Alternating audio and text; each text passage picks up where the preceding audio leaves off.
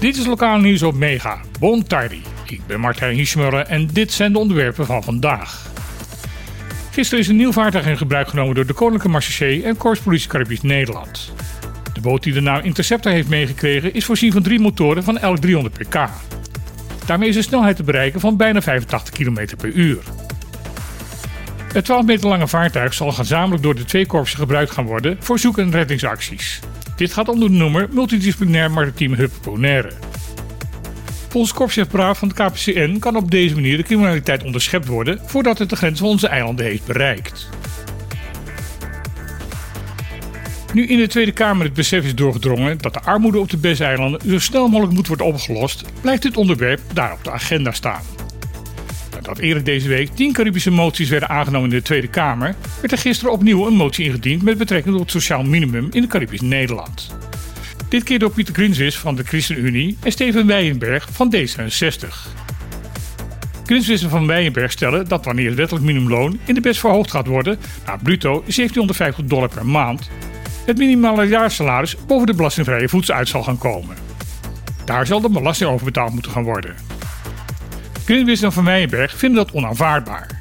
Daarom willen zij de belastingvrije voet verhogen naar 20.424 dollar. Verantwoordelijke staatssecretaris Mark van Rij heeft de motie ontraden. Volgens hem betalen in Europees Nederland mensen die een minimumloon ontvangen ook belasting. De ontwerpbegroting van Saba over de jaren 2024 tot en met 2027 vertonen een meerjarig financieel evenwicht. Die van Sint Eustatius niet.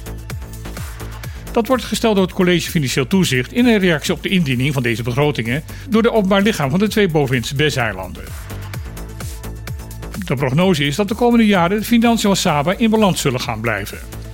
Dit komt mede door een structurele verhoging van de zogenaamde vrije uitkering die het eiland vanuit Den Haag ontvangt. De vooruitzichten voor Statia zijn minder rooskleurig. Daar laat de begroting tekort zien van 7 ton over het jaar 2024.